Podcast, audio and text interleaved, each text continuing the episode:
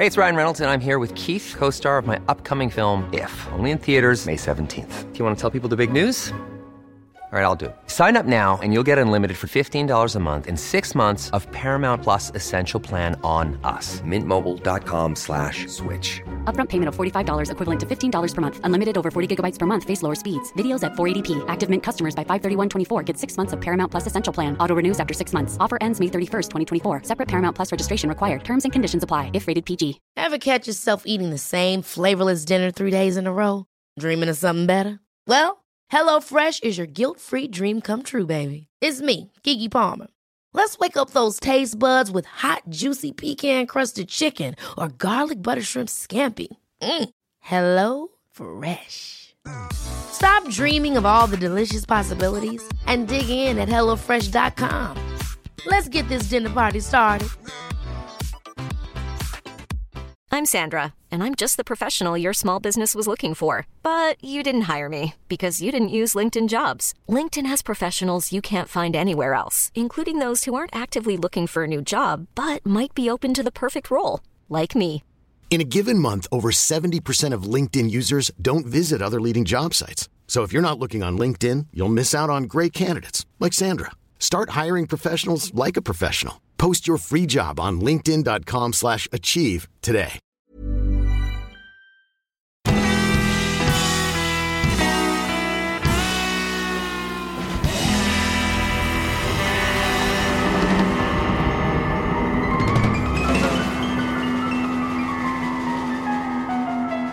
Hej allihopa och välkomna tillbaka till ett nytt avsnitt av Ståpäls. Med mig Lukas. Och med mig Ida. Ida. Ida. Ida. Ehm, ja, idag är det tisdag. Ja, För oss. alltså jag är fortfarande full i skratt. Vi, eh, om ni kollar på våra sociala medier så får ni se en bild som vi tog nu. Ja, det tog typ 50 eh, försök. För Jo, jag kan alltså. inte kolla i kameran. Lukas hittar inte kameran. Jag Hans, hans ögon far åt alla möjliga håll. jag bara, jag ska titta någonstans? Linsen är ju där. Han bara, men jag tittar ju där. Jag bara, det gör jag också. Och så är min, min blick är rätt i kameran. Men, men du tittar i Tjotahejti, jag vet inte. Jag vet inte. Åh, nej. vi är lite trötta. Vi har varit på gymmet och eh, tränat ben. Och vi följer ju ett träningsprogram eh, som är väldigt hårt. Ja, Eh, om ni är nyfikna, kolla upp Anna Stålnacke. Eh, hon är rumpdrottningen av en anledning och vi körde hennes benpass idag. Så att, ja, eh, ja, det säger ju sitt. ja. Eh, att det var ganska svårt. Ja. Eh, men eh, ja, eh, annars hur är det ja. med dig? Jag har ju lite ont i min axel och sådär men eh, jag ska köpa mig en liten sån här eh, spikmatta så får vi se om Jag trodde det... du skulle säga att jag ska köpa en sån här mitella. Eller vad heter det? Va? Nej men som man har eh, metella. Mitella. Som man har som man, eh, Jaha, en sån. som man vilar armen på. Nej, det ska jag inte köpa. Nej, en Eh, jag spikmatta. tänkte en spikmatta för att så här, lösa upp lite spänningar och sånt där. Goosey loosey. Jag såg en eh, Wild Kim in her natural habitat gå förbi här. jag såg en spegling i Ja, jag fönstret. såg det också. Ja, Nej, men hur är det med dig annars? jo då. Det är väl helt okej. Jo då. Jo då. Jobba och stå på, stå i. Stå, Stå på. Stå på. Det står på. Jag står på. Idag har jag fått mina såna här handledsstöd för min eh, karpaltunnelsyndrom. Så jag har på mig båda. Jag ska ha på båda armarna, eller händerna heter det väl kanske. Eh, handleder. Eh, så jag ser ut som en robot. Lite. kanske. eh, så nej men det är väl bra med mig tycker jag. Var lite sega. Imorgon är det vilodag så det är skönt. Ja. Det ska bli skönt. Eh, men eh, Vi ja. har inte avslöjat ämnet den här veckan. Nej, vi lämnade ja. ju det lite hemligt eftersom du skulle göra en fortsättning. en, en uppföljning av den här historien. Så ska vi avslöja kanske. Jag tänkte bara säga, om ni inte har lyssnat på förra veckans avsnitt så gör det då för det hänger ihop. Just Ja. det, jag skulle göra en eh, liten sån här ändring för att jag bytte ju ut eh, namnen till de riktiga namnen. Mhm. Men jag bytte ju inte ut den, den här äh, tredje personens namn, Nej. Mats. Ja. Han heter Magnus. Ah, Så Magnus. jag säger Mats för att det är det aliaset han har fått. Men han heter Magnus. Han heter Magnus. Jag ville bara Ja. klargöra det ifall det var någon som störde sig på att jag inte sa hans riktiga namn. Det var för att jag hittade inte det då. Nej, jag förstår. Men så hittade du sen. Ja. Ja. Nej men eh, idag i varje fall så ska vi prata seriemördare. Mm. Vilket är någonting som vi har pratat om förr. Flera gånger Ja, tror jag. många gånger. Eh, men det blir en, en sånt eh, ämne idag också. Jag tror det var med seriemördare vi startade första Mm. avsnittet på första säsongen va? Ja, det var det. Så eh, det blev bara en eh, gång seriemördare den här. Ja, vi Säsongen. tänkte vi ville ha lite nyare ämnen. Men, eh, Mm. Så idag är det det och Lukas kommer ju då köra som en fortsättning på sin historia från förra veckan. Ja. Och jag har en helt fristående. Mm. Men det är väl bara att vi... eh, Kör igång! Ja! Ja.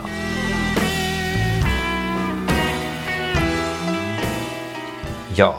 Så om ni... Jag bara ja! Alltså förlåt men vi startar alltid, ja, varje gång vi sätter igång den här. Om man ska börja berätta sin historia så börjar vi alltid ja. Jag ska försöka sluta med det. Från och med idag ska jag försöka sluta med det. Jag tänkte inte på det. Det blev som Ja, ett ja, men jag så blir här så- stavt. Bara, Jag ja. blir så full i skratt varje gång.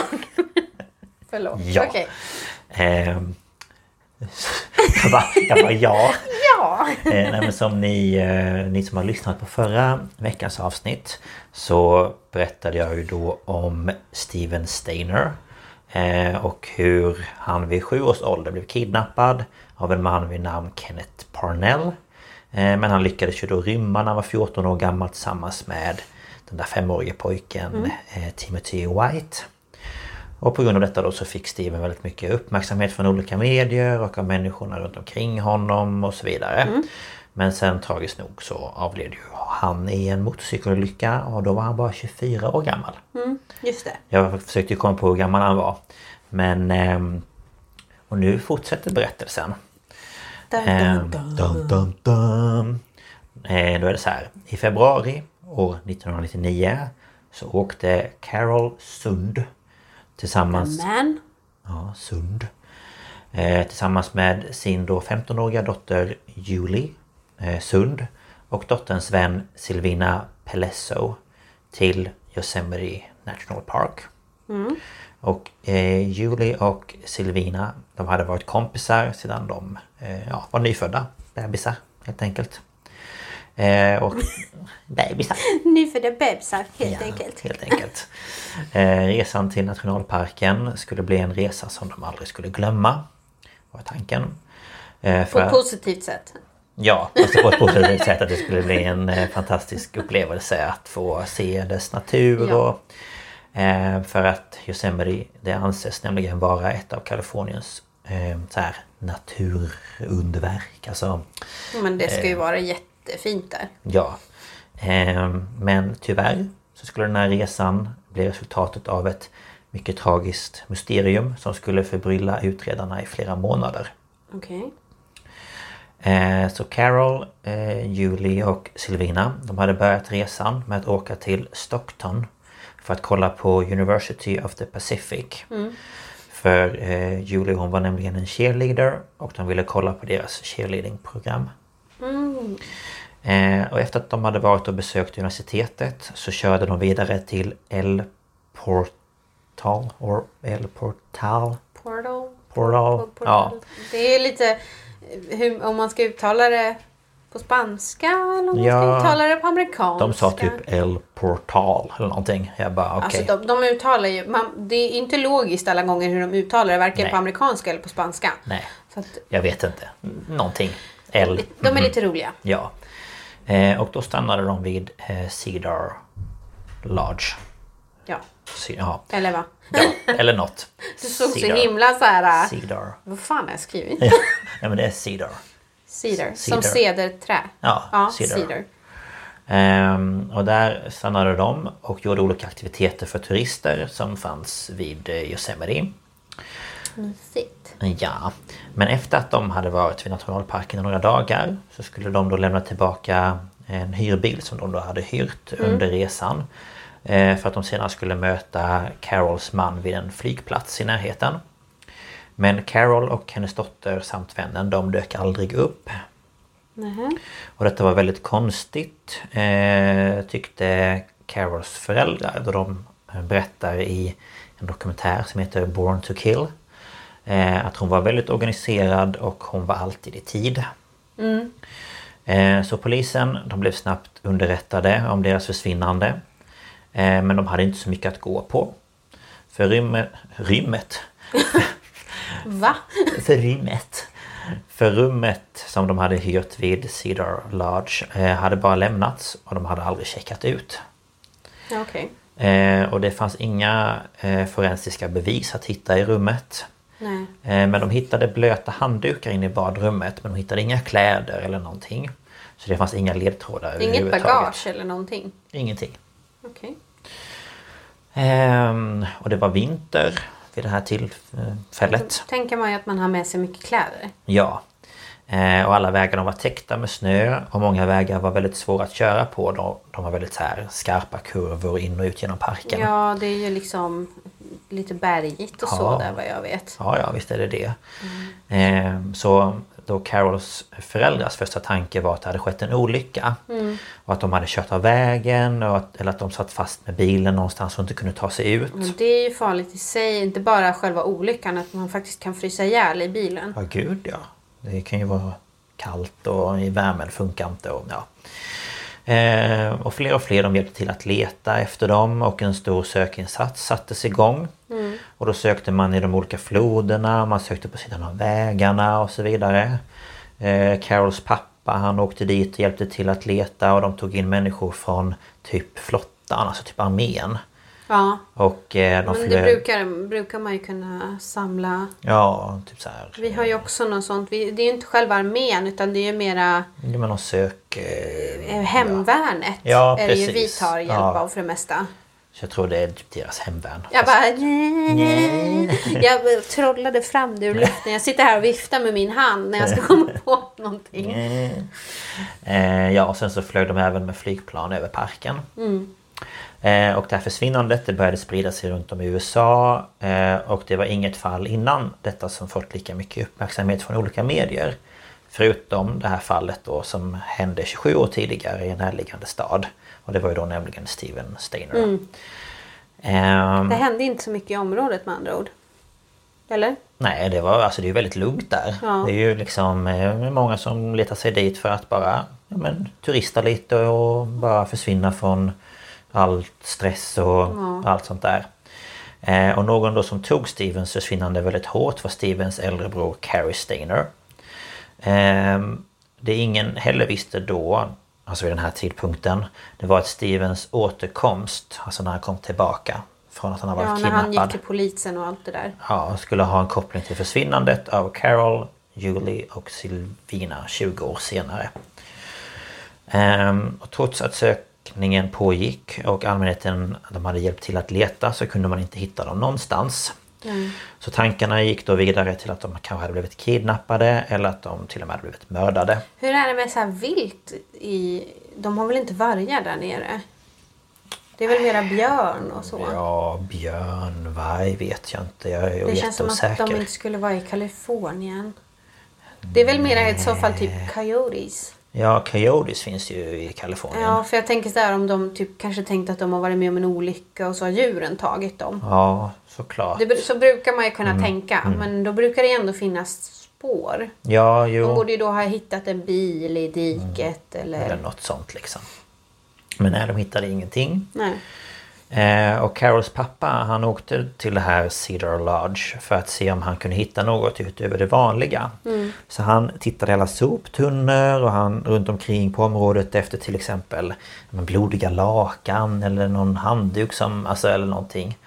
Eh, och när han var där så märkte han att eh, vaktmästaren så här kikade konstigt på honom runt så här hörnen på husen och så här bara tittade fram och bara... Vilket jävla... Vad fan? Ja, så han bara, det här var väldigt underligt liksom. Jag ser typ någon bad guy Scooby-Doo framför mig nu som bara... Mm. Mm, typ. Eh, och han tyckte då att det här var väldigt konstigt såklart. Ja, det... Så Eh, konstigt. ja. Eh, Så han bad polisen att undersöka honom. Men det var ingen som gjorde det vid det här tillfället. Då han bara, nej men det är, ju- han jobbar ju bara där som vaktmästare. Men han är bara konstig. Han ville bara ha koll. Ja. Men vem var då här den här vaktmästaren? Jo, det visade sig vara ingen mindre än den då 37-åriga Carrie Stainer. Jaha. Ja. Eh, så efter en månad utan att ha hittat några spår efter Carol, Julie och Silvina så gick Carols föräldrar till FBI's huvudkontor i Modesto i Kalifornien. Med väldigt låga förhoppningar på att de ens skulle hittas liksom. Ja, Att man ens skulle hitta kroppar liksom. Ja. Eh, men när de var på väg in till det här kontoret så märkte de liksom att alla telefoner ringde och det var full rulle liksom. Eh, och då visade det sig att det var den biträdande distriktsadvokaten som ringde in och berättade att de hade hittat bilen. Jaha. Ja. Ehm, Så när polisen kom till platsen så var bilen helt förstörd på grund av att den hade brunnit upp. Eh, Utredarna gjorde en bedömning och kom fram till att temperaturen på branden var uppe i 1093 grader. Det låter inte som en normal brand. Nej, det låter Alltså, ganska mm, kraftigt ja. Eh, Och färgen på själva bilen hade liksom runnit av hela ja, men bilen. alltså, det måste ju vara sån här... äh, Det låter ju som sån här, vad heter det? Thermite.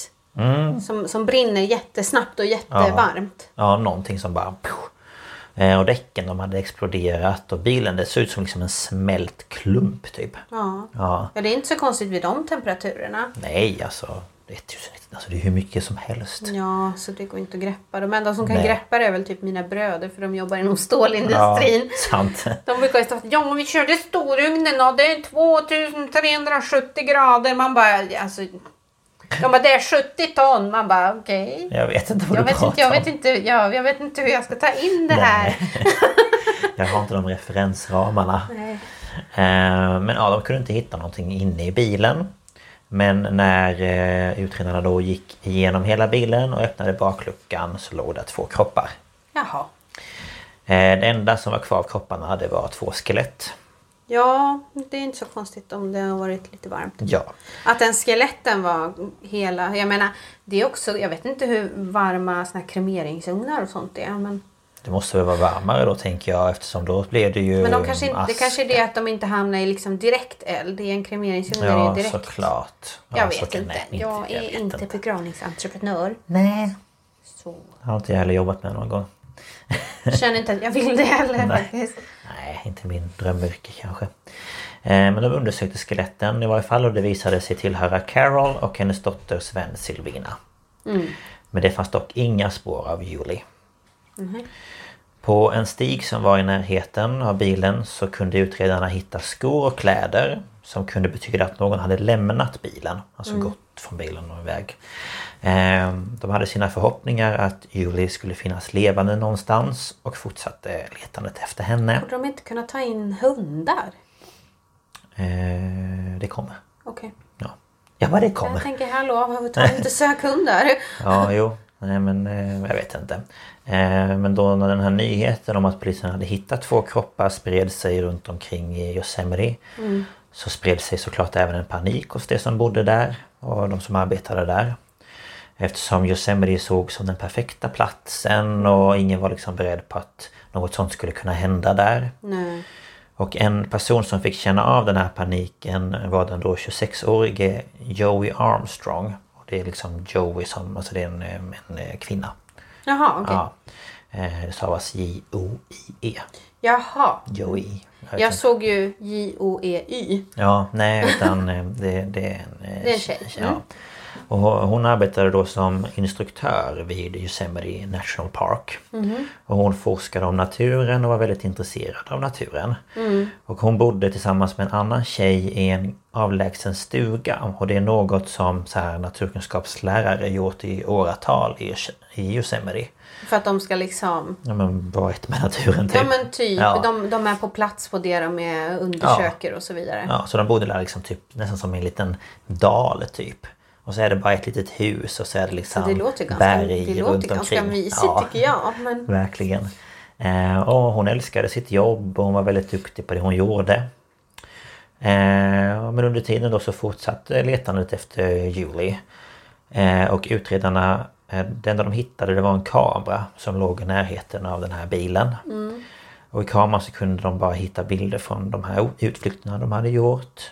Och bilder på när de, när de var tillbaka på eh, rummet i eh, Cedar Lodge.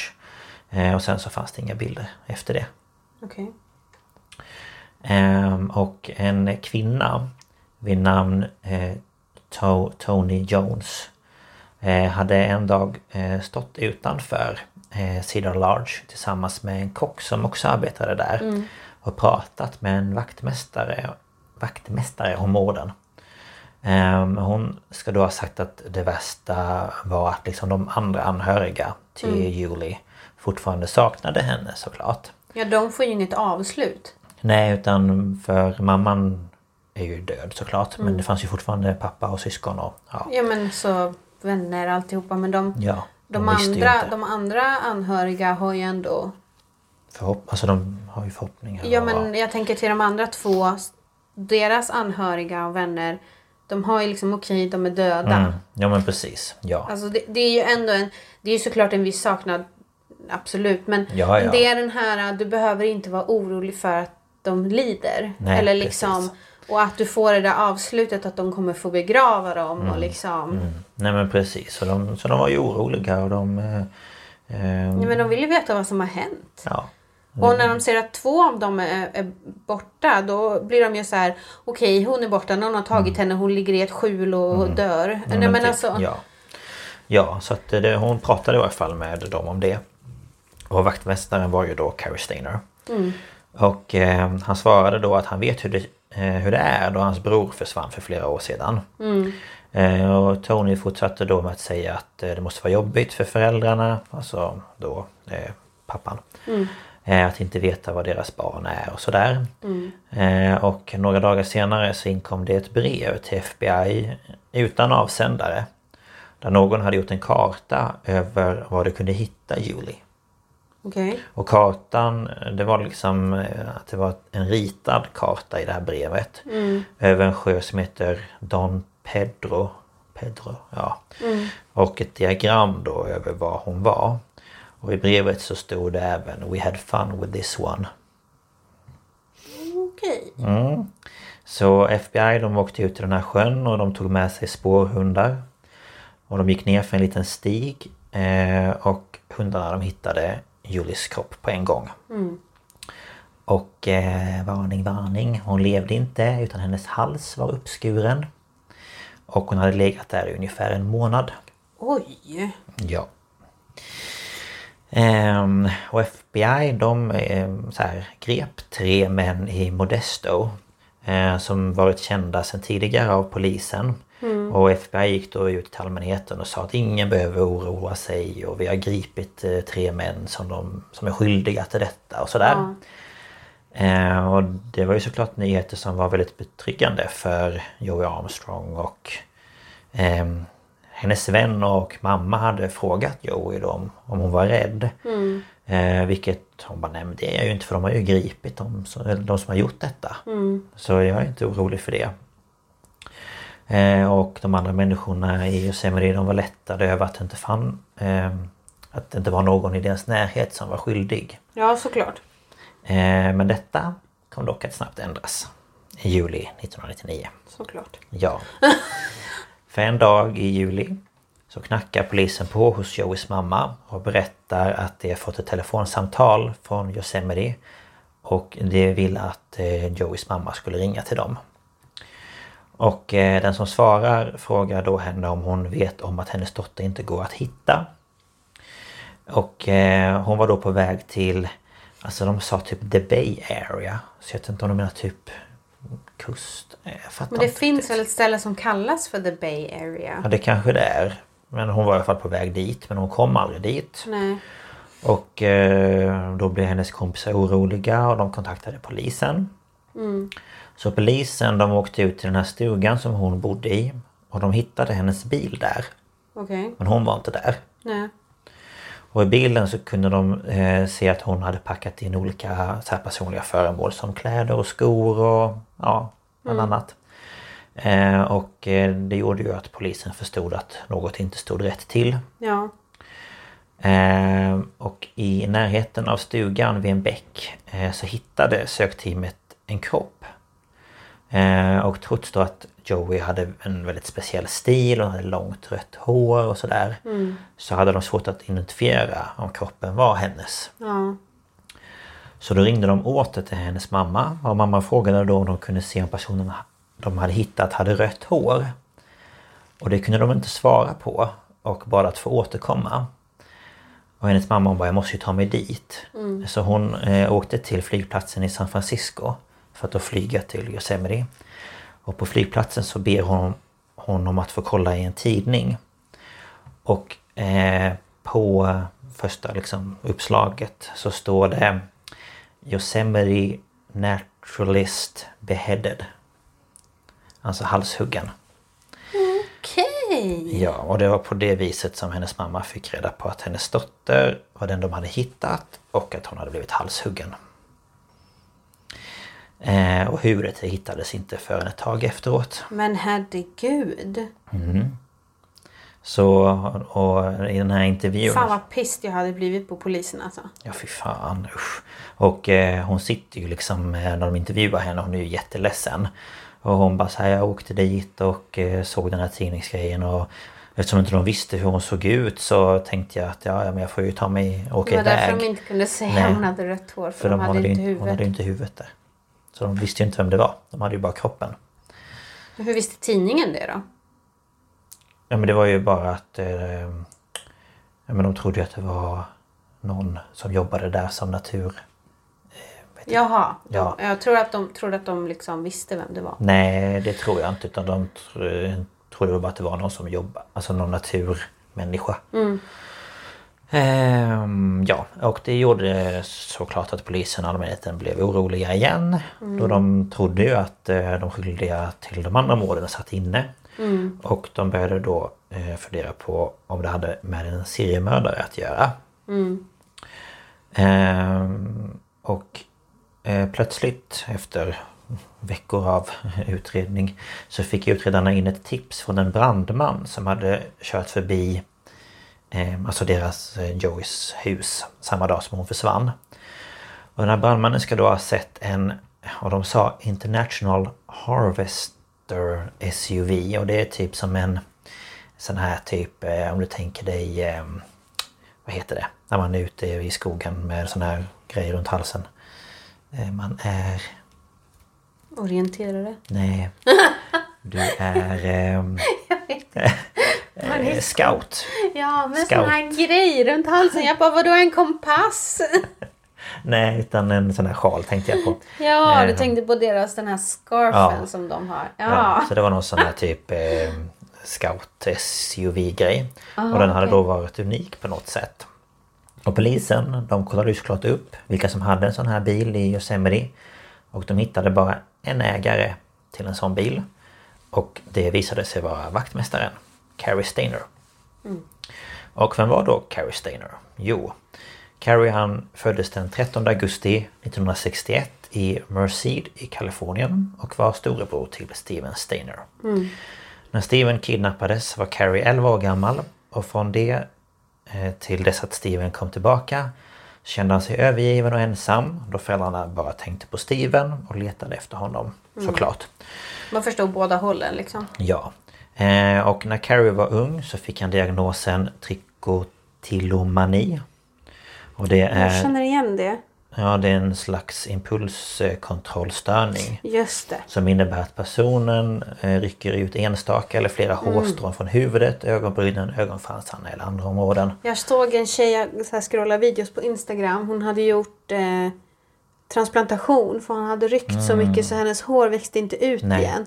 Så på gässan så växte inte hennes hår. Nej.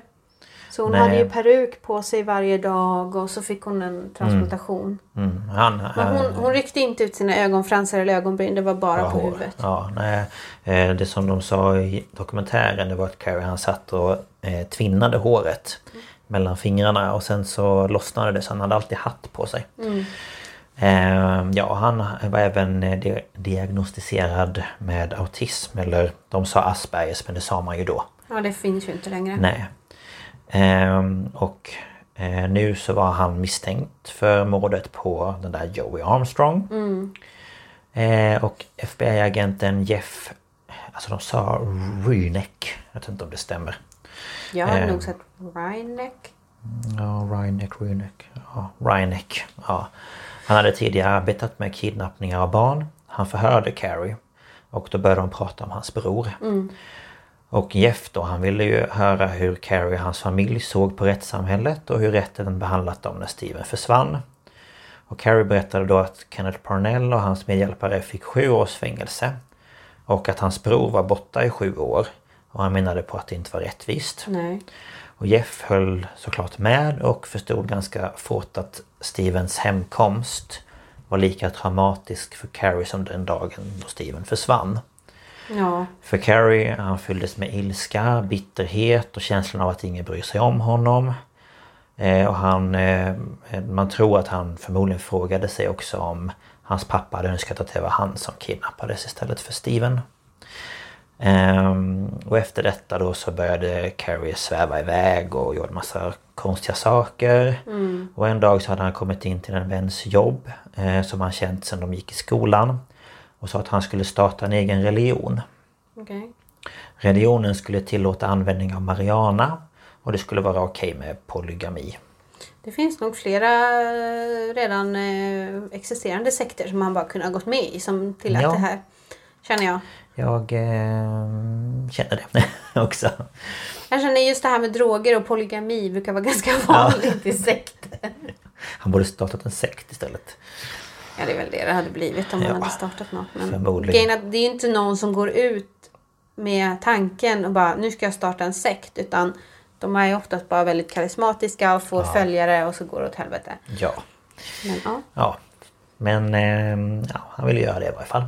Eh, och en dag efter det att han hade blivit gripen och förhörd om det här mordet på Joey. Så ville han återigen prata med den här utredaren Jeff. Och Carrie ska då ha sagt att han eh, var en dålig människa och att han hade gjort hemska handlingar. Eh, och han berättade att han ibland tänkte på fred i världen och ja, kärlek till alla liksom. Men andra gånger så tänkte han att han kunde mörda alla människor i hela världen. Eh, och de kommande sex timmarna så berättade Carrie för Jeff att han, han, att han fört bort och mördat alla de fyra kvinnorna. Och han berättade varje detalj av händelseförloppen och han erkände även att han haft våldsamma tankar sedan han var sju år gammal. Ehm, och ett år innan de första morden så bestämde han sig för att han skulle... För, för vad han då skulle göra. Ja. Ehm, Så i februari 1999 så hade han en flickvän eh, som sedan tidigare hade två små döttrar. Och han berättade då för Jeff att en av hans fantasier alltid hade varit att våldta och mörda två barn. När han vet vad hans brorsa var med om. Ehm, Så på alla hjärtans dag så bestämmer han sig för att han ska åka till sin flickvän för att mörda både henne och hennes två barn. Men på grund av att det var en vaktmästare där den dagen så kunde han inte genomföra det han tänkt. Tacka gud för den va- vakten. Ja, jag kände det också. Han bara, Ehm, Så han åker då tillbaka till eh, Cedar Lodge. Eh, Och han börjar gå runt på området. Och sen stannar han till vid Carols och deras rum runt klockan fem på eftermiddagen. Och han bestämmer sig då för att det här är hans chans att ta sig in i rummet och förklara att han ska laga en läcka som var i, på hotellrummet. Eh, han börjar då med att binda fast eh, Julie i ett annat rum. Sen börjar han med att strypa Carol och Sylvina eh, innan han fortsätter med att våldta Julie. Eh, på morgonen så placerar han Carol och Sylvina i bagageutrymmet och eh, han har packat in alla resväskor i bilen och planerar att åka därifrån tillsammans med Julie. Men innan han lämnar rummet så blöter han några handdukar som han lämnar på golvet för att det ska se ut som att de lämnat i all hast. Så det var han som hade lagt handdukarna på golvet. Eh, och eh, Julie då, hon sitter i framsätet enbart invirad i ett täcke. Hon har inga kläder på sig. Eh, hon vet inte vad hennes mamma är eller vad hennes vän är. Och man tror att hon har blivit utnyttjad i cirka två till tre timmar. Eh, det är mörkt ute och det är minusgrader. Och de stannar då vid den här sjön Don Pedro Eller, ja. eh, och han bär henne längs den här stigen som jag tog upp förut. Och sen lägger han henne på marken på täcket. Och så lägger han sig bredvid henne. Alltså det här är så sjukt. Och berättar för henne hur mycket han älskar henne.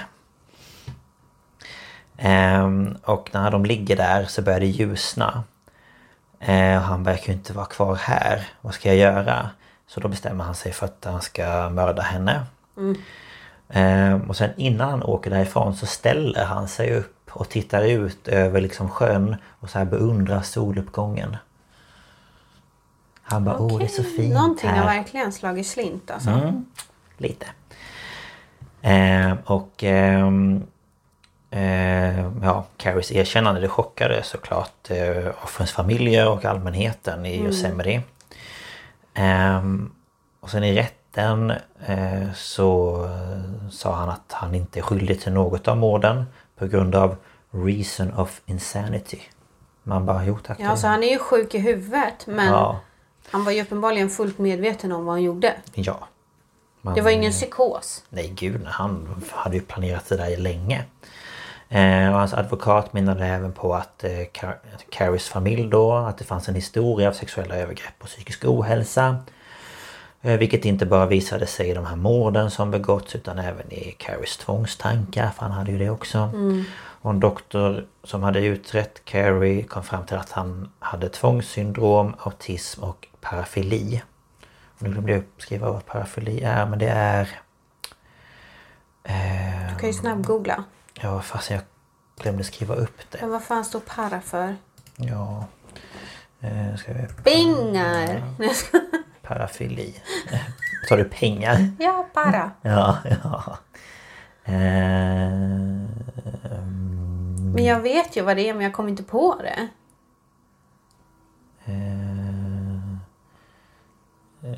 Ja, det står bara att det är en, ett övergripande term som används i de inter- internationella psykiatriska klassifikationerna bla bla bla bla bla bla. Och ett medicinskt begrepp för psykisk störning. Men det måste ju stå en benämning på en socialt oaccepterad och eller psykisk avvikelse från den sexuella normen. Ja, jo tack. Det Det har vi fattat. har vi fattat ja. Så det var det han också fick som diagnos då typ. Vad heter det när man har, när man har eh, sexuellt umgänge med döda? Nekrofili. Nekrofili, just det. Alltså han, eh, han var bara sjuk i huvudet när det kom till sådana tankar. Ja, det är jävligt tydligt. Ja. Eh, men han dömdes ändå. Den 27 augusti 2002 till livstidsfängelse för mordet på Joey. Och han dömdes till döden. För morden på Carol, Julie och Silvina. Hur kommer det sig att han bara fick livstidsfängelse för den han skar av huvudet på? Jag fattar inte heller det för det är väl minst lika makabert som det andra. Ja. Jag vet inte heller varför men det kan ha varit rätt... Eh, nej men det var ju... Han gjorde ju det i samma veva så det kan ju inte ha någonting med hårdare straff heller. Nej jag vet inte. ja det är jättekonstigt Ja. i alla fall. Och han sitter i alla fall just nu på Death Row i San Quentin. San Quentin. Quentin. Quentin. Eh, fängelset i Kalifornien. Eh, och även om det inte utförts en avrättning efter 2006 så sitter han ändå fortfarande där. Och eh, sen Carols eh, andra dotter. Eh, hon valde vad det, vad det skulle stå på hennes gravsten. Jag tyckte det var så fint så jag var tvungen att ta med det. Eh, Memories you carry in your heart is there forever. Ja, Ja. det är sant. Så det står på hennes gravsten. Och eh, Joeys mamma hon fick massor med brev från människor efter mordet. Och Yosemite National Institute fick eh, massor med pengar donerat till sig från alla möjliga personer då. Och de satte ihop ett program som heter The Armstrong eh, Scholars. Scholars. Scholars, tack. Jag är jättebra på engelska. Eh, Det är ett program eh, som ska göra det möjligt för unga tjejer att börja tro på sig själva och att de är kapabla till så mycket mer än vad de tror. Mm, vad fint. För att hon, eh, mamman berättade det också att hon var väldigt eh, speciell och väldigt rädd av sig. Och saker som kanske någon var tvungen att göra en gång för att lyckas var hon kanske tvungen att göra 12 gånger för att klara av. Okej. Så hon hade liksom Att hon ändå väldigt... bodde där ute då. Det var ju väldigt tufft. Verkligen. Och hon... Men det eh, kanske var en grej också att hon skulle göra det för att det var så läskigt typ. Ja och sen att hon liksom Hon älskade verkligen naturen Mm. och var jätteduktig på det hon gjorde och Ja men eh, hade liksom haft en väldigt svår barndom och fått kämpa med mycket och, Mm. och så då Ja så ville de eh, Mamman då att det skulle hon, Hennes liksom minne skulle fortsätta Mm. i Den här liksom eh, Men det tyckte jag var fint. eh, grejen. Ehm, så ja, det många frågar sig i den här grejen här hur den ena kunde vara liksom en hjälte Mm. och den andra blir liksom en seriemördare. Ever catch yourself eating the same flavorless dinner three days in a row? Dreaming of something better? Well, HelloFresh is your guilt-free dream come true, baby. It's me, Kiki Palmer. Let's wake up those taste buds with hot, juicy pecan-crusted chicken or garlic butter shrimp scampi. Mm. Hello Fresh. Stop dreaming of all the delicious possibilities and dig in at HelloFresh.com. Let's get this dinner party started. If you thought the only way to get a more defined jawline with natural looking results was through surgery, think again. Juvederm Volux XC is a non surgical injectable gel filler that improves moderate to severe loss of jawline definition and can help you achieve natural looking results with little downtime. Even better, this improved definition lasts up to one year with optimal treatment. No maintenance required. Improve jawline definition for a smooth, sculpted look with Juvederm Volux XC. For important safety information and to find a licensed specialist, visit juvederm.com. That's J U V E D E R M.com. Not for people with severe allergic reactions, allergies to lidocaine, or the proteins used in Juvederm. Common side effects include injection site redness, swelling, pain, tenderness, firmness, lumps, bumps, bruising, discoloration, or itching. There's a risk of unintentional injection into a blood vessel, which can cause vision abnormalities, blindness, stroke, temporary scabs, or scarring. Talk to a licensed specialist to find out if it's right for you. Ja. Var det liksom Men alltså det var väl en kombo då av de här yttre omständigheterna med brorsan Ja, och hans psykiska sjukdom. ja. Och eh, föräldrarna där som mamman hon verkade ju vara väldigt kall. Alltså, ja, just det, det sa du ju. eh, och pappa Det var inte så att hon inte älskade dem men hon visade det inte. när hon Liksom. visar liksom inte känslor som Nej. man kanske förväntar sig. Och då kanske hon då, man tänker att sonen har en eh, diagnos, alltså oftast så hänger ju det med gener. Mm. Att hon också kanske då var autistisk. Ja. För att de, de har ju svårt att visa sånt. Ja precis. Så det kan ju vara att det kan vara något sånt. Men Mm. eh, så det är många som frågar sig den frågan hur det kunde bli som det, som det blev. tycker Det är jättekonstigt verkligen. Ja. För eh, nu så lever ju tyvärr inte Steven längre men man undrar ju hur han hade varit nu om han hade levt. Han hade nog varit väldigt besviken. Ja gud ja, på sin, men jag tänker mer hur han hade varit eh, Som person? som person efter Nej, men det han han hade med om. nog varit...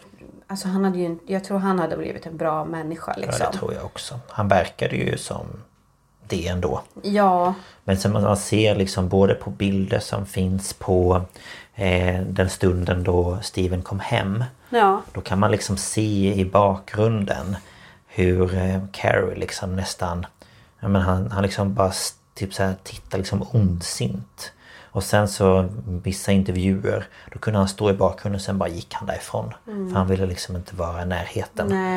Eh, Nej, han var nog väldigt traumatiserad av allt det där. Det tror jag också. Så...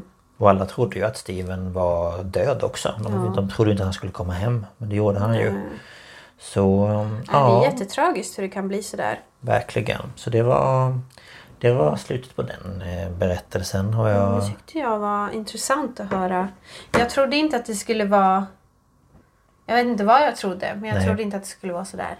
nej, nej, det var hans bror. Jag tänkte att det ju, skulle dyka upp någon brorsa till den där Kenneth som bara Mm. hej! Ja, nej, det var det inte. Utan det var i den egna lilla familjen. Ja, det var jättehemskt. Sen har de ju tre systrar. Mm. Eh, Alltså mamman och pappan blev inte helt barnlösa. Nej, de har ju tre barn kvar då va. Men sen vet jag ju inte hur om föräldrarna lever. Jag har ingen aning om någonting. Nej. Men eh, eh, Steven lever inte och han sitter på death row. Ja, men det ska han göra också. Usch. Ja, tack Men för eh, kaffet. intressant. ja. Det var väl Det var- bra att det var intressant. ja, men det var ju spännande och att Mm. det hängde ihop och sådär. Ja. Så det tyckte jag var roligt att höra. Eller ja, du förstår, du förstår vad jag menar. Gud vad jag skrattar. Åh gud vad skottar. Ja, gud. Ja, nej, men jag förstår vad du menar. Ja. Ja, nej men så att... ehm, ja. Tack för det. Mm, varsågod. Ska vi hoppa vidare? Ja, vi kör dit nu. Vem ska jag ta upp då undrar ni? Det undrar inte jag. Då kan du gå. Då får inte du vara med i vår podd Gå och längre. lägg dig för fan. Nej, jag ska prata om Ahmad Suraji. Eh, och jag är medveten om att eh, vissa kanske skulle säga Ahmad. Men jag orkar faktiskt inte säga det varje gång så jag säger Ahmad. Ja, Eller Ahmad. Ah, Ahmad. Ah. du kan, du kan blanda lite. Ja. Jättejobbigt. Ugh. ja men jag orkar inte hålla på och harkla mig hela Nej. tiden. Men förlåt om någon heter Ahmad eller Ahmed och jag inte vill uttala era namn ordentligt. Men det är väl också att man inte är Jag vet faktiskt det. inte hur det här egentligen uttalas för jag har inte hört liksom någon Nej okej. från hans land säga det. Nu sen tänker jag att vi inte... Alltså det är också hur man är van vid att eh, säga ord. Mm. Eh, Jag tänkte också säga bara lite snabbt så här källor jag har. Det är Wikipedia, Murderpedia, eh, the, nej, The Guardian. Tror jag den där tidningen heter i Storbritannien. Och Seriemördarpodden. Så att Dan Hörning Ja. har jag suttit och lyssnat på. Jag så jag går ju lite på, han säger Ahmad eller Ahmad. Men jag, Jag sa inte mina källor. Ja du sa ju att du hade tittat på en dokumentär. Ja, Born to kill, Carrie Stigner och 2020 Evil in Eden. Ja, jag bara säger mina källor lite så här för att Jag har inte tagit... friskriva mig lite. Ja, men från all information som vi tar upp. Det är inte vi som har hittat på den från början. Nej, vi är inga journalister. Så att, eh, eh, men nu, nu är det lika bra jag dyker in här. För det vi. här är ganska mycket. Ahmad Suraji föddes 10 januari 1949. Det finns också uppgifter om att han föddes 12 december 1952. Jaha, så man Men vet man inte. vet inte. Ehm, Dan sa liksom att olika tidningar skrev olika. Mm. Så. Och han hette då inte Ahmad Suraji från början. Han hette Nasib Kelewang. Mhm. Ehm, han byter namn sen, det kommer. Och han bodde i byn Ananda Mai. Och egentligen så heter den längre än bara Mai. Men man brukar Okej. oftast förkorta det. Ja, Eh, och det är nära Medan som är huvudstad i Indonesien. På eh, Indonesiens norra Sumatra-provins. okej. Så det här är Indonesien. Så det här eh, Ananda Nai och Nasib Kelewang, det är liksom Indonesien. Det är därför jag vet inte hur han uttalar Ahmad. Nej. Ehm, Eh, Hans svårt. mamma var muslim så det är antagligen därför han heter det. Eller valde det namnet. Eh, Men vi, vi... Nu går vi ifrån mitt uttal här. Eh, Han växte ju upp i den här byn och under sin uppväxt så såg han mycket upp till sin pappa. Det var liksom hans idol. Eh, Och hans pappa arbetade som boskaps, boskapsuppfödare. Alltså kossor. Lukas sitter och äter efterrätt här. Så försöker han smyga ner tallriken i bordet. Ehm, Men de födde upp kor.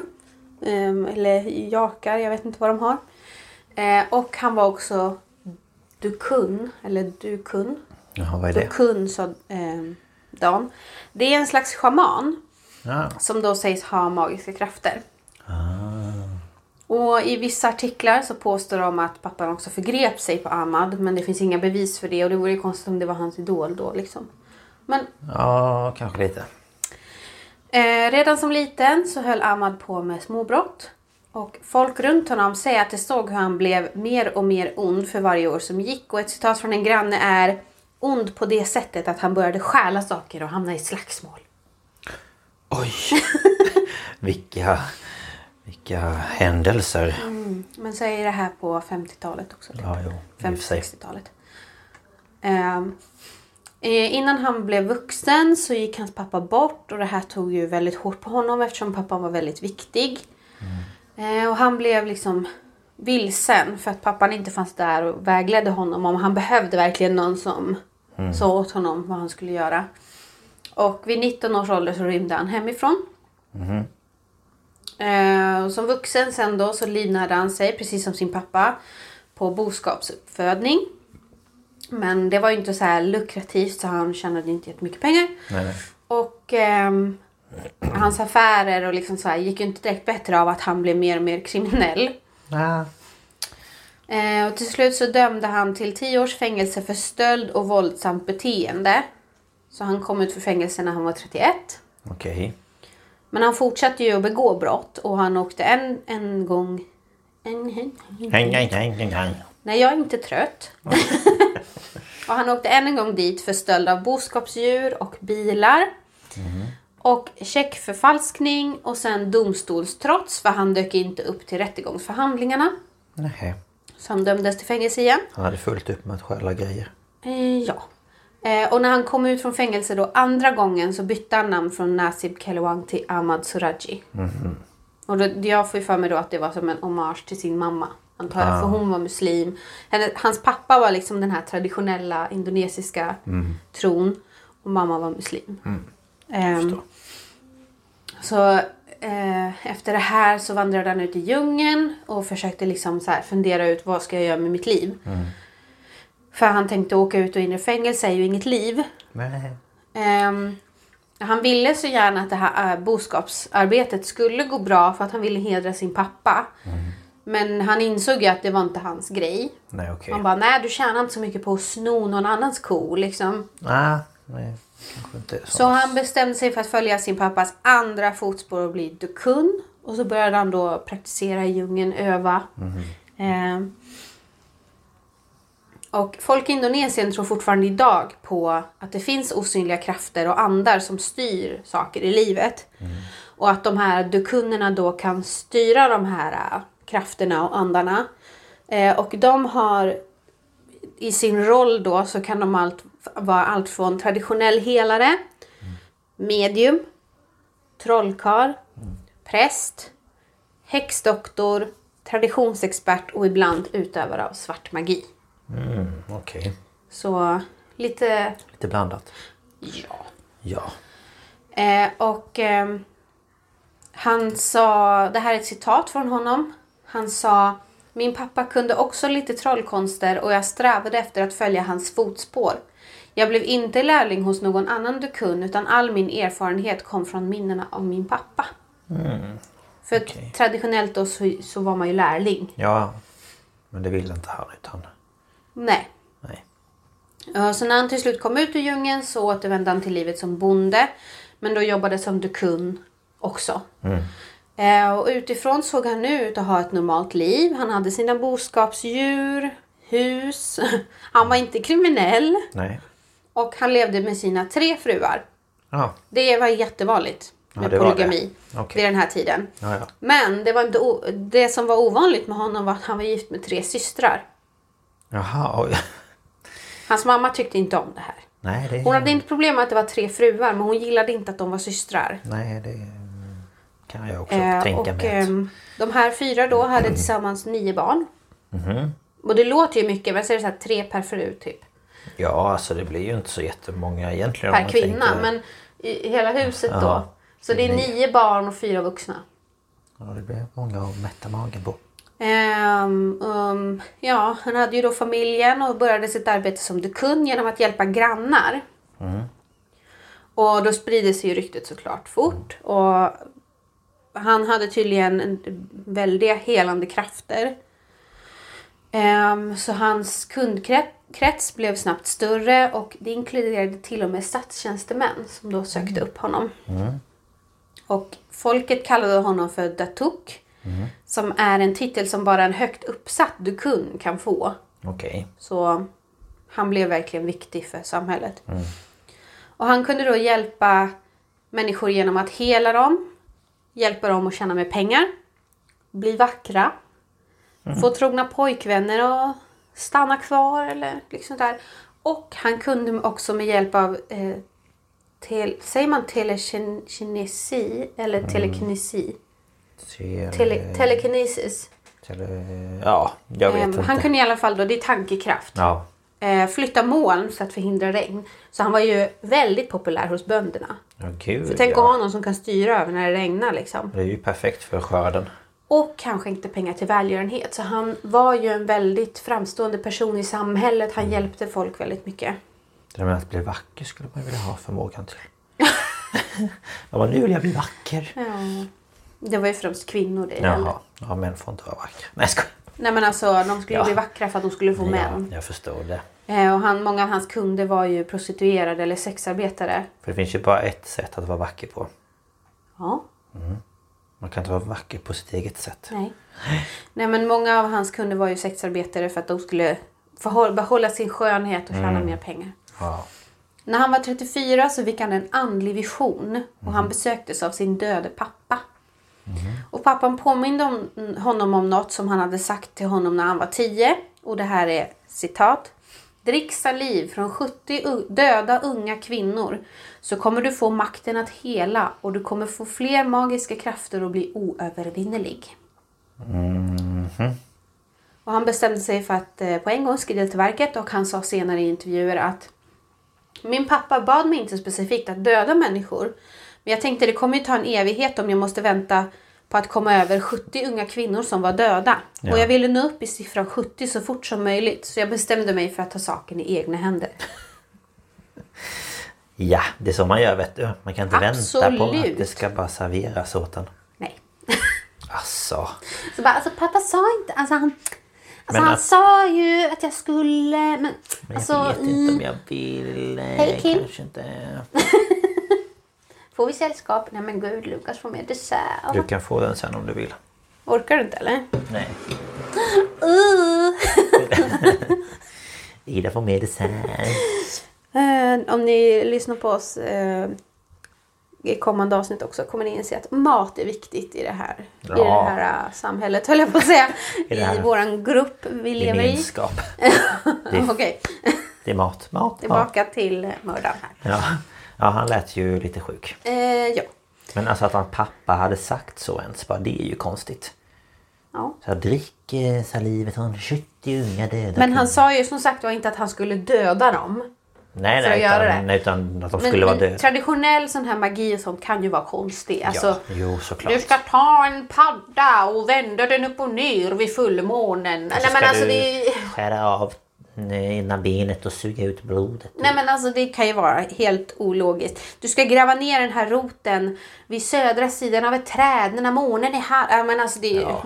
Och när Merkurius står i eh, Zenit. zenit till Mars och Mars är solens egna... Guide. Nej jag skojar. Vi bara vet inte vad vi pratar om alls. Nej det gör vi inte. Nej. Strunt samma. Eh, hans kunder strömmade in så han behövde ju knappast gå utanför dörren för att hitta lämpliga kvinnor. Eh, och något som hjälpte honom var ju att folk inte alltid sa att de sökte hjälp hos en dukun. För att det var lite pinsamt om man kommer dit och kanske ville ha hjälp med att ens man var otrogen eller så vidare. Så det var ingen som skulle misstänka någonting om människor försvann för de visste ju inte att han hade, de hade varit där. Nej. Eh, och eftersom han var den som var kunnig så misstänkte inget offer heller om han gjorde något konstigt när de var där. Nej, För okej. att, ja, men de trodde väl att det bara ingick. Och eh, hans eh, modus operandi, alltså hans tillvägagångssätt var alltid lika. Och här är då liksom ett... ehm, Beskrivning. Ja, en beskrivning på det. Eh, så en kvinna kom dit och eh, så talade de om vad, vad behovet var. Eh, och han gav prisförslag på den här ritualbehandlingen som han skulle göra. Och eh, så fick han då betalt. Och tog med sig kvinnan ut på ett sockerrörsfält som låg liksom vid hans hus. Och där så sa han att han skulle utföra den ritual de hade bestämt. Och hade han inte hunnit gräva en grop i förväg fick kvinnan själv gräva en grop. Och ja. hon trodde ju hela tiden att det här var en del av det. Så instruerade han dem sen att sätta sig i gropen med benen utsträckta och så band han deras händer och begravde dem från midjan och ner. Så att de inte kunde ställa sig upp. Jaha. Eh, och, men såklart så blir man ju rädd när man inte kan röra sig och sådär. Så då blev de ju rädda såklart.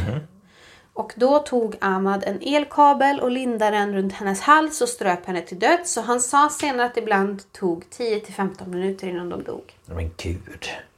Usch. När kvinnan väl var död så vred han hennes huvud så blicken blickade upp. Ögonen blickade upp mot himlen och så lutade han sig mot deras mun och började suga i sig salivet direkt ur munhålan. Åh, vad mysigt. Alltså jag mår ju typ illa när jag tänker på det. Ja men alltså. Jag har precis strypt ihjäl honom och skulle suga ut en saliv. Åh, nej men sluta, vad äckligt. Eh, efter det här så grävde han upp henne igen. Tog tillbaka henne till hans hus, klädde av henne naken, nacken har jag skrivit. till. Klädde av henne nacken. Hon fick inte ha nacken kvar. Nej, gud. Eh, men han klädde av henne alla kläder och begravde henne med huvudet riktat mot hans hus. Och poängen med att huvudet skulle vara riktat ditåt var för att kvinnans ande lättare skulle sugas upp av honom. Att andens krafter skulle föras över till honom. Du hör ju, jag tar ju inte det här på allvar för Det låter som en påsk. Barsk. Det låter som han. Han är uppstånden, sannerligen uppstånden. ja. Ehm, och inte nog med de magiska krafterna han tjänade på kvinnorna så tjänade han ju massor med pengar. Ja, det. För han tog ju alltid betalt innan det här.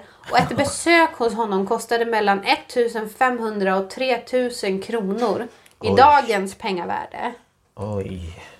Ja, det är mycket. Och så stal han också deras ägodelar. Ja, man får inte vara dum. Nej. Eh, och för att snabbare komma upp i sina 70 offer så började han kontakta sexarbetare för att de skulle komma till hans hus. Han kunde döda dem och dricka deras saliv. Och han valde dem för att ingen antog sakna dem. Så i 11 år höll han på med sitt dödande och arbetade sig upp mot 70 offer. Okej. Men så, 1997, så var det kraftigt regn. Mhm. Eh, och eh, den 27 april 1997 fick en man vid namn Sugito besök av sin brorson som berättar att han hittade en konstig jordhög på ett sockerfält när han retade ogräs till sina kor. Ehm, och regnet hade då spolat bort det översta lagret jord och han kände sig lite illa till mods och sprang då till farbror Sugito. Jaha. Och han säger så här. Jag började peta och röra runt i den mystiska högen i sockerrörsfältet med en pinne och så märkte jag hur det stank av röta. Jag tog upp saken med militären och de bad mig gräva djupare. De sa att jag skulle sluta gräva om jag hittade något som liknade en död människa. Men om det var ett djur var det upp till mig att bestämma hur jag skulle göra. Jag tog med mig några vänner och gick dit vid sextiden på kvällen. När vi passerade begravningsplatsen ropade Suraji åt oss och frågade vad som var fel. Vi sa det är spöken där och han svarade spöken är inget att vara rädd för. Slutcitat. Ja, Okej.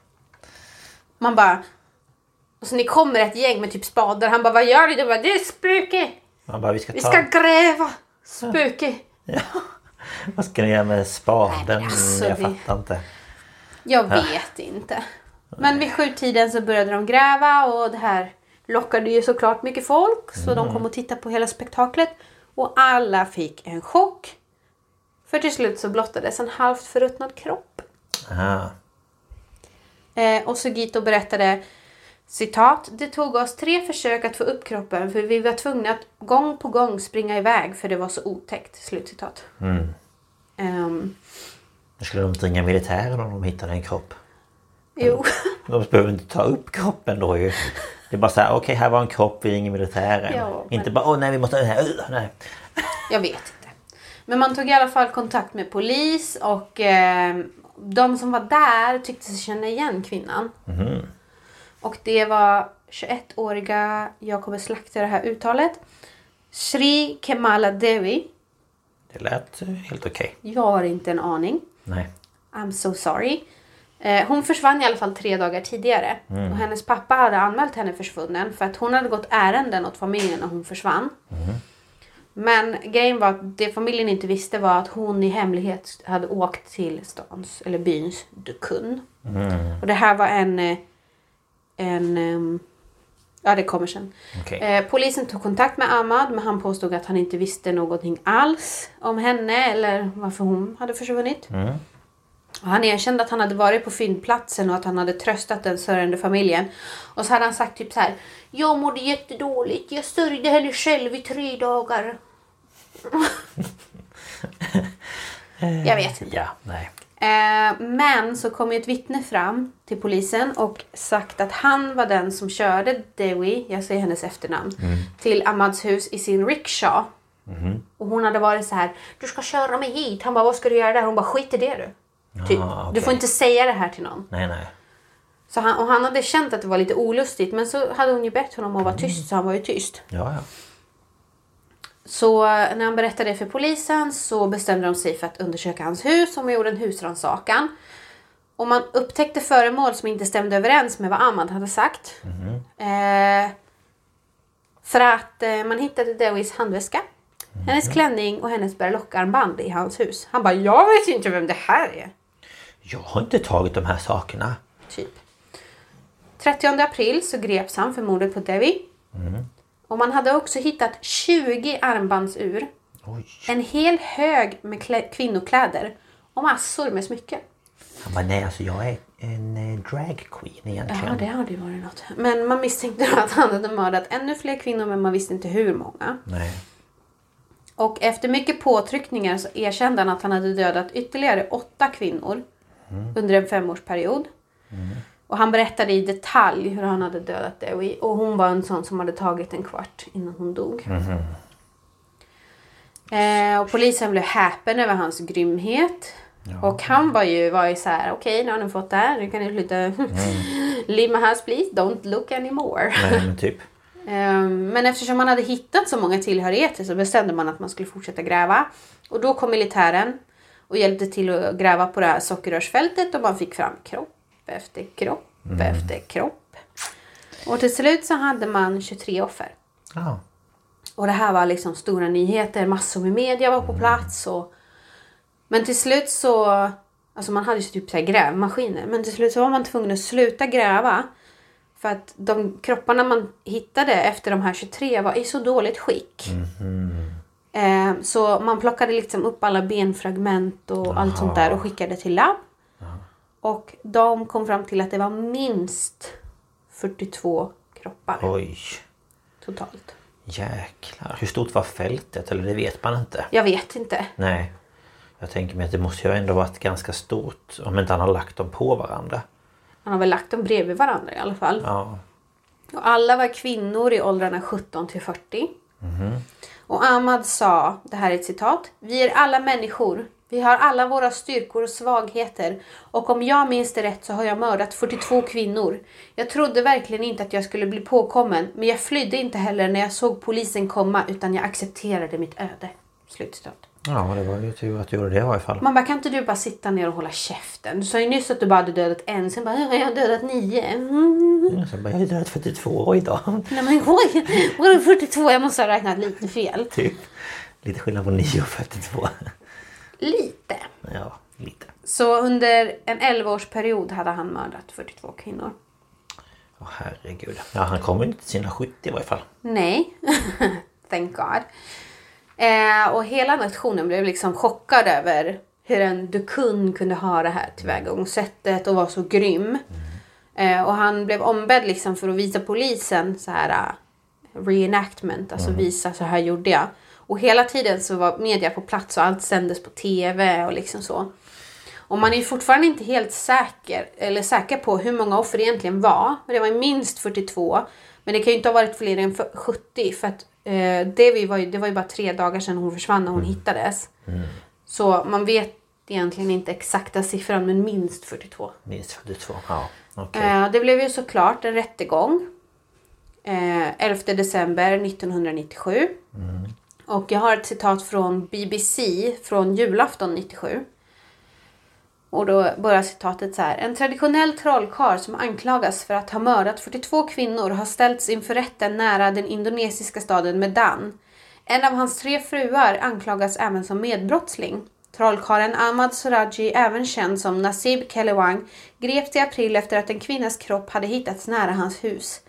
Den indonesiska polisen tror att det har ett vattentätt fall mot Ahmad Suraji och de säger att han har mördat alla de 42 kvinnorna vars kroppar som grävdes upp in till hans hus i ett försök att öka sina magiska krafter.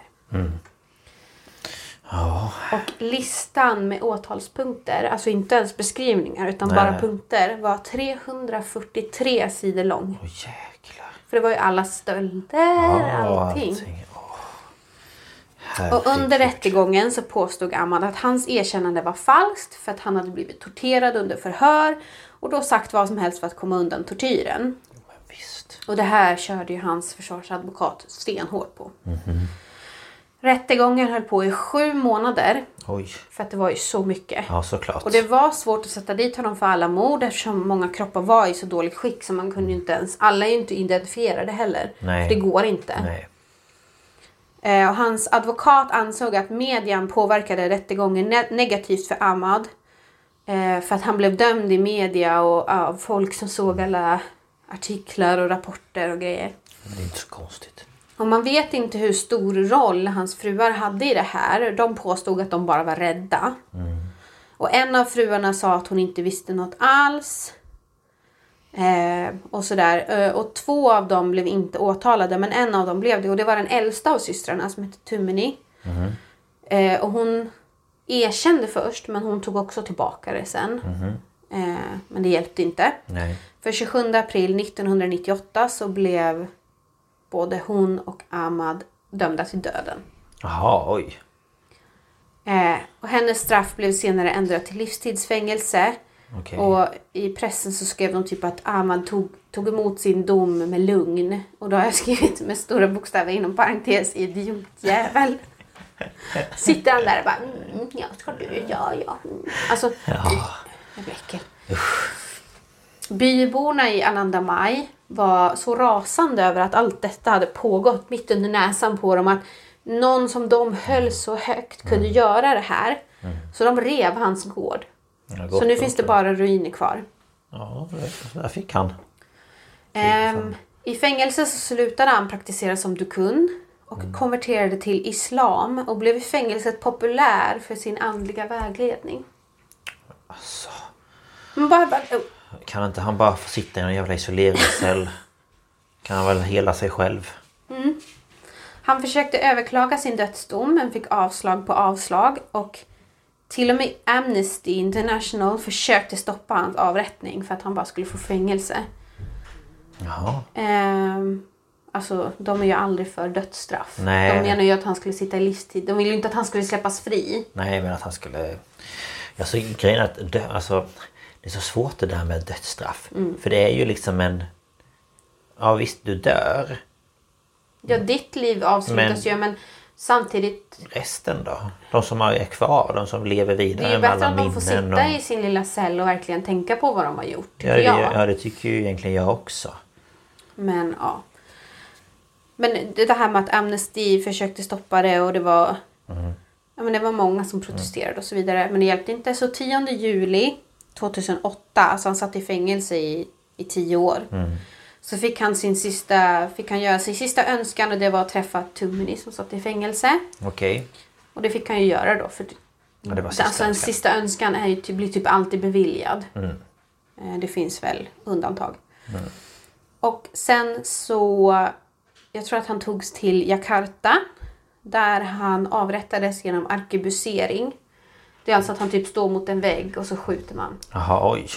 Så han sköt, eh, jag tror det var tre gånger i bröstet och dog på tre minuter. Okej. Och tanken var sen att han skulle åka tillbaka, köras tillbaka till Anandamai för att begravas i sin familjegrav. Men alltså byborna var ju rasande. Ja, Så de, när bilen kom dit och skulle köra in på gr- begravningsplatsen så ställde de sig i vägen. Han fick inte komma dit.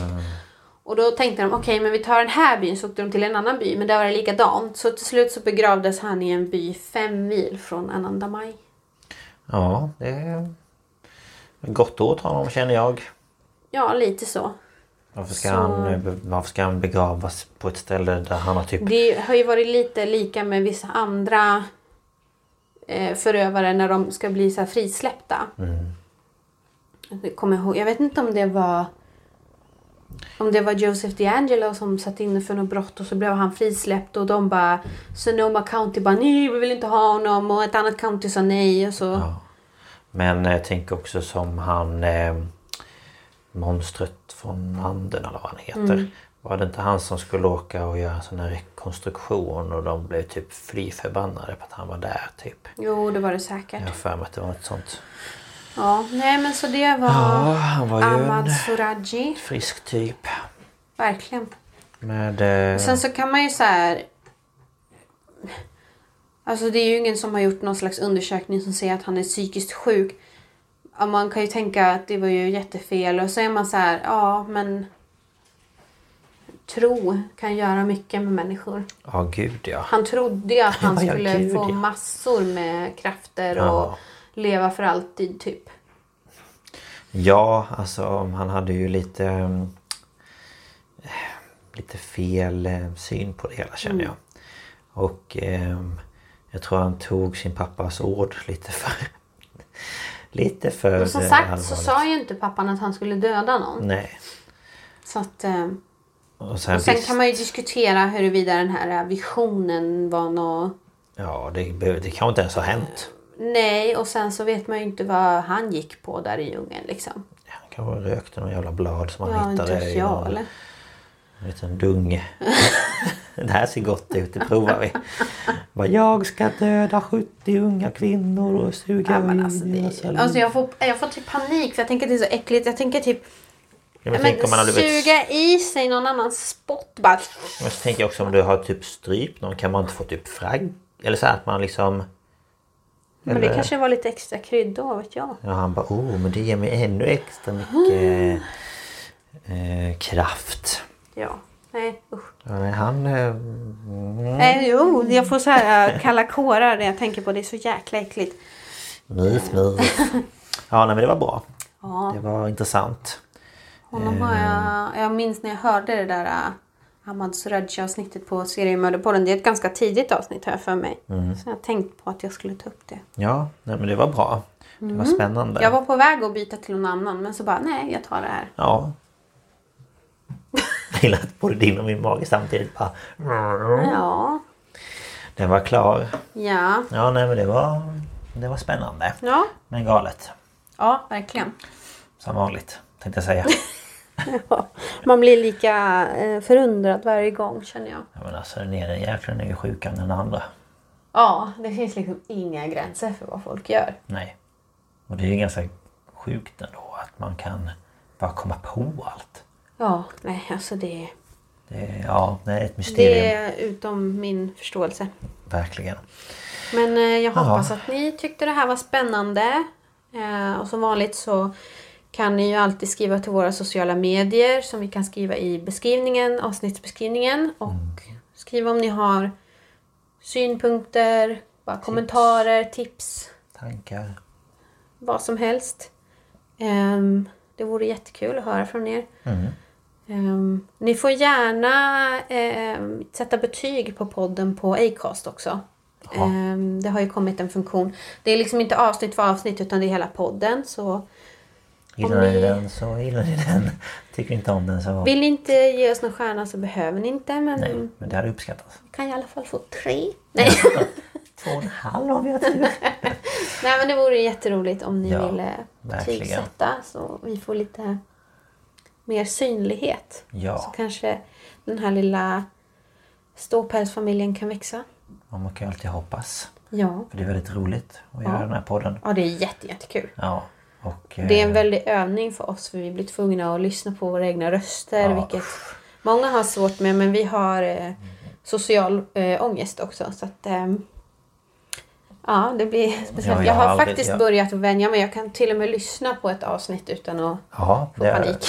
första avsnitten när man skulle lyssna igenom när man hade spelat in. Men det ville man ju inte. Det var så här, nej det här går inte. Och sen nu så när man lyssnar igenom så bara, ja, det, är så jag låter. Ja, och liksom vi har ju ingen bakgrund med radio eller någonting sånt. Vi som alltid... i, Vad blir det för mord? Johanna och Elinor är komiker har jobbat med radio och tv. Alltså vi har ju inget sånt. Nej, och jag tänker som spöktimmen, båda de är väl journalister. Ja, och de hade ju och- den som studentradio från början också. Ja, så vi är ju Mm. liksom vanliga Dödliga. dödliga människor som inte har jobbat med något sånt överhuvudtaget. Nej. Um, har alltid haft svårt med att prata inför folk. Ja. Så där, Det är lite eh, lättare nu för vi behöver ju inte se alla som lyssnar. det är sant. Det är Men, eh, positivt. Men, eh, nej, men vi uppskattar alla som lyssnar och Ja. eh, ja, eh, det är väldigt Nej, roligt att göra ja, detta. det är jätte, jättekul. Vill du eh, släppa bomben vilket, eh, vilket ämne vi har nästa vecka? Jag bara, vad är det för någonting? det är ehm, eh, naturkatastrofer. Ja. Det har vi inte heller haft någon gång förut. Jo, jag har haft Pompeji. Ja just ja, Har jag haft. sant. Jag har inte kört något. Lukas har inte kört något och vi har inte haft ett helt avsnitt dedikerat till det. Nej, så det blir det nästa vecka. Det ska bli spännande. Ja, vi får väl... Eh, Jag har fortfarande inte valt vilket jag ska ta. Jag har valt ett men sen ångrar jag mig så jag kan ta ett annat. Vi får se. Ja. Vi, vi, eh, Det återstår att se så att säga. ja, men eh, det var väl allt vi hade för idag. Mhm. Så hörs vi igen nästa vecka. Ha det så gött. Ha det så gött va? Gött, gött, gött. Så hörs vi. Ja. Ja. Hej då! Hej då!